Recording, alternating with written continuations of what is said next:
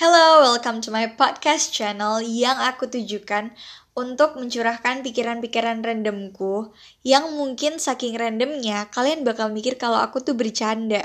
Padahal enggak, aku nggak bercanda sama sekali. Contohnya, kayak barusan. Aku uh, barusan selesai minum air mineral kemasan botol alias air botolan ya, kita sebutnya. Terus aku tuh ngerasa kalau misalnya air botolan tuh lebih enak gitu daripada air galon. Iya gak sih? Kalian ngerasa gak sih? Jujur aku tuh jarang banget minum air putih kalau di rumah. Karena menurutku kalau air galon tuh gak enak gitu. Anyep, gak ada rasanya.